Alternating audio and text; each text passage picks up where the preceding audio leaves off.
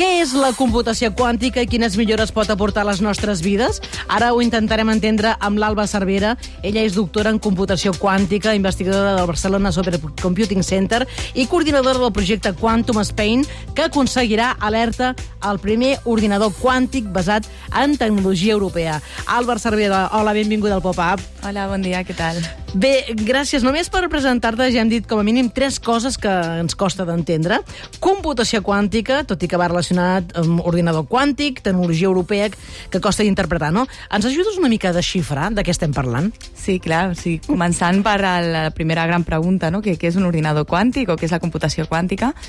I, bueno, tenim moltes maneres d'explicar-ho, de, però al, fi, al cap i a la fi no deixa de ser un nou paradigma de computació. O sigui, al final nosaltres tenim ordinadors i els utilitzem doncs, per fer moltíssimes coses, des d'enviar un e-mail a fer simulacions de, de jo sé, del clima o de medicaments o de moltes coses, no? El que passa és que amb els anys cada cop es necessita més i més potència de computació i un exemple és aquí al, BCC, a Barcelona, tenim un dels superordinadors més potents d'Europa i el més potent d'Espanya, per això, perquè cada cop les necessitats són més altes. Llavors hi ha determinats problemes que als superordinadors se'ls queda una mica curt, perquè es, es, es transforma en una cosa molt complicada, no? I aquests problemes són precisament aquells relacionats amb entendre el món microscòpic, el món dels àtoms, de les molècules, de la llum, etc, que és el món dominat per la física quàntica. Llavors, ja des de fa molts anys es, es va proposar de, ostres, si això és difícil per un superordinador normal, per què no fem un ordinador que tingui les mateixes lleis de funcionar que el que ah. volem estudiar? I aquest seria pues, un ordinador quàntic.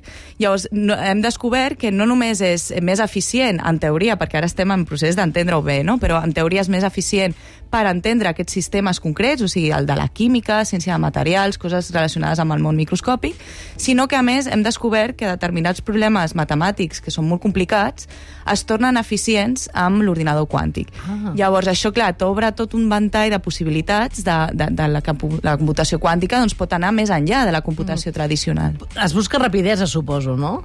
Es busca diverses coses. Per una banda, rapidesa, també eh, molt relacionat amb la rapidesa és el temps de computació, clar, que no volem que estigui l'edat de l'univers calculant sense acabar, no? Clar. I també es busca eficiència energètica.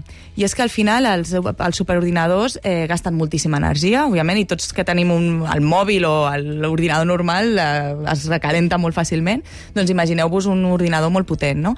Llavors, els ordinadors quàntics, determinades tecnologies, i és que hi ha diverses maneres de fabricar-los, són molt eficients energèticament. Això Llavors, sí que és una bona això, notícia. Exacte. Clar. Per tant, tant, també s'està estudiant no només eh, quines aplicacions poden ajudar a accelerar, sinó també si les mateixes aplicacions poden ser més eficients energèticament. Tot això en un pla mm, que estem estudiant ara mateix, eh? un pla teòric, i ara per fi podem començar a fer les primeres proves a, mhm. de, de veritat. No? I com ens hem d'imaginar aquest ordinador? També és d'aquells de, que, que ocupen molt d'espai o és un ordinador que físicament és semblant a un que, dels que coneixem? Doncs depèn una mica de la tecnologia i també depèn d'amb quin comparem, no? perquè al final hi ha molts tipus d'ordinadors normals, des d'un mòbil, que és un ordinador, fins a un superordinador que ocupa tota una sala gegant. No? També depèn de la potència de càlcul. Però així, el, el, el que tu t'esperes quan veus un ordinador quàntic depèn de la tecnologia, serà una cosa o una altra. I és que, a diferència de la computació normal, hi ha moltes maneres de fabricar ordinadors quàntics. En concret, el que tindrem al BCC, aquí a Espanya, està basat en una tecnologia que es diu qubits superconductors, i això el que vol dir és que necessitem refredar molt el xip quàntic. Refredar-lo a temperatures de més, més baixes que l'univers, o sigui, menys 273 ah. graus centígrads, i és pràcticament el zero absolut de temperatures que no podem baixar més perquè les lleis de la termodinàmica ens ho impedeixen. Que haureu de treballar en una nevera o què? És, Clar. literalment és una nevera, una nevera molt sofisticada. De fet, és tecnologia que existeix des de fa més de 10 anys. El que passa és que a aquests últims anys s'està aplicant a la computació quàntica, és de criogènia. Llavors, bàsicament és un cilindre d'un tamany, de diferents tamanys, eh? però podríem dir un diàmetre de de 50 centímetres, una cosa així, potser una mica més, que es refreda a temperatures molt baixes. Llavors, aquest refredament és com una nevera, i això vol dir que el líquid refrigerant, en lloc de ser el típic de la nevera que, que tenim a casa, doncs és heli líquid, l'heli dels globus, diguem, doncs això, però líquid, i això fa que baixi la temperatura tot, doncs tant. Llavors, a, a sota d'aquesta nevera posem el xip quàntic, i allò, bueno, és un xip que soldem allà, hi ha una sèrie de cables que entren, però que bàsicament l'estructura des de fora és un cilindre tancat on dins està tota la màgia, diguem, no? Està tot el, tota la computació quàntica i al costat doncs, hi haurà una sèrie de cables que entren a dins que bàsicament en- envien les, eh, les zones que controlen el xip quàntic. Mm -hmm. Clar, això que deies és que, clar, uh, voleu fer el projecte Quantum Spain és tenir aquest ordinador quàntic, un ordinador quàntic al Barcelona Supercomputing Center, i també gràcies també als fons New Generation, no? Exacte. Això. I clar, això què vol dir? Que haureu de tenir una zona en el, el BSC uh, així com refrigerada, això que explicaves.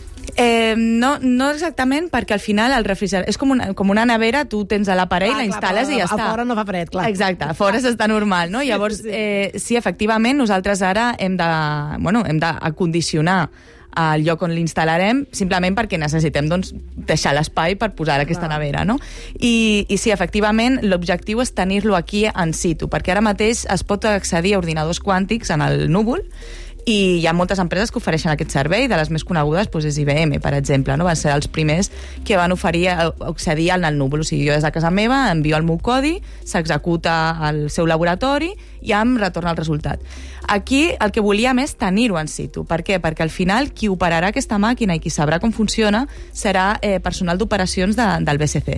Clar. Per tant, no només podrem accedir a la màquina nosaltres i donar accés a tots els usuaris interessats que hi hagi, sinó que a més nosaltres mateixos sabrem com utilitzar-la i sabrem què, què hem de fer. Clar, és un pas endavant perquè, tal i com expliques, um, acabes subcontractant a, la- a, la- quàntica, no? O sigui, de dir, si t'ho fan en el núvol, dius, eh, bé, em podeu, em podeu fer aquest resultat i ells tenen els seus ordinadors, però que en aquest cas els tindreu directament. I, eh, clar, no sé, és una mica críptica aquesta pregunta, però el Mare Nostrum s'entendrà amb l'ordinador quàntic? O són dos Jo- sistemes diferents? Eh, has donat en el, la pregunta ideal en aquest sentit, eh? I és que el, els, el Mare Nostrum és un superordinador i el que s'està ara... És un ordinador que no és quàntic, eh? que és normal. No, és, és, és, però, però és, és dels, dels més ràpids i dels més potents d'Europa. De fet, ara no? estem a punt de, de posar en funcionament Mare Nostrum 5, la cinquena generació, que és encara més potent, no? Però precisament el que s'està estudiant molt en el món de la supercomputació és com juntar les dos tipus, no? Juntar el que ja tenim amb els quàntics i veure si el quàntic doncs, pot ajudar-nos a accelerar certs càlculs o al revés, o el tradicional ens pot ajudar a millorar el quàntic. Mhm. Llavors s'està hibriditzant tot això i per això és tan important que eh, centres com el nostre, que ja té superordinadors, tingui també ordinadors quàntics i així es puguin ajuntar. Mhm. I d'aquí ve una mica el projecte europeu, que és el següent, la continuació de Quantum Spain, i és que per Quantum Spain tenim un ordinador quàntic, pel projecte europeu, que és un segon projecte, tindrem un segon ordinador quàntic, que serà complementari a l'altre, i l'objectiu d'Europa és que, per una banda, aquests ordinadors quàntics es connectin amb els superordinadors que ja existeixen i, per altra banda, que la tecnologia que els fabriqui sigui 100% europea o al màxim europeu. Clar. Crec que hi ha una pregunta a xarxes, no, Sí, Sílvia? el Marc pregunta en quin llenguatge parla l'ordinador quàntic. Doncs el llenguatge en realitat és eh, a nivell de programació per a qui ens escolti que sàpiga una mica més d'això, es programa amb llibreries tipus Python o tipus llibreries normals de computació. Perquè al final el que és quàntic en un ordinador quàntic és el hardware. El software, o sigui, com el controlem i com el, el, el, el programem, encara que el programa no té res a veure amb un programa normal, però es fa des d'una llibreria de computació bastant, entre comilles, estàndard, no? Llavors, s'aprofita molta computació tradicional també per la quàntica. Ara que hem estrenat un podcast sobre ciberseguretat, eh, crec que gràcies a aquest ordinador es pot avançar molt en matèria de ciberseguretat, no? Per què? Doncs eh, en part sí, perquè el que hem mencionat abans, de que hi ha problemes matemàtics que hem descobert que els ordinadors quàntics poden fer de forma més eficient, el problema per excel·lència és la factorització de números, que es va descobrir als 90, i el problema que té això és que factoritzar números, que pot ser una cosa molt innocent, resulta que tota la ciberseguretat es basa en què factoritzar números és molt difícil. Llavors, clar, si apareix un ordinador quàntic que ho pot fer fàcil, Clar. ens ho hem carregat tot. Llavors, el que s'està mirant ara és, per una banda, hi ha dues estratègies. Una estratègia és fem, fem criptografia quàntica. Hi ha molta gent treballant amb comunicacions quàntiques i en fer aquesta criptografia 100% quàntica, de forma que sigui resistent a tots aquests atacs.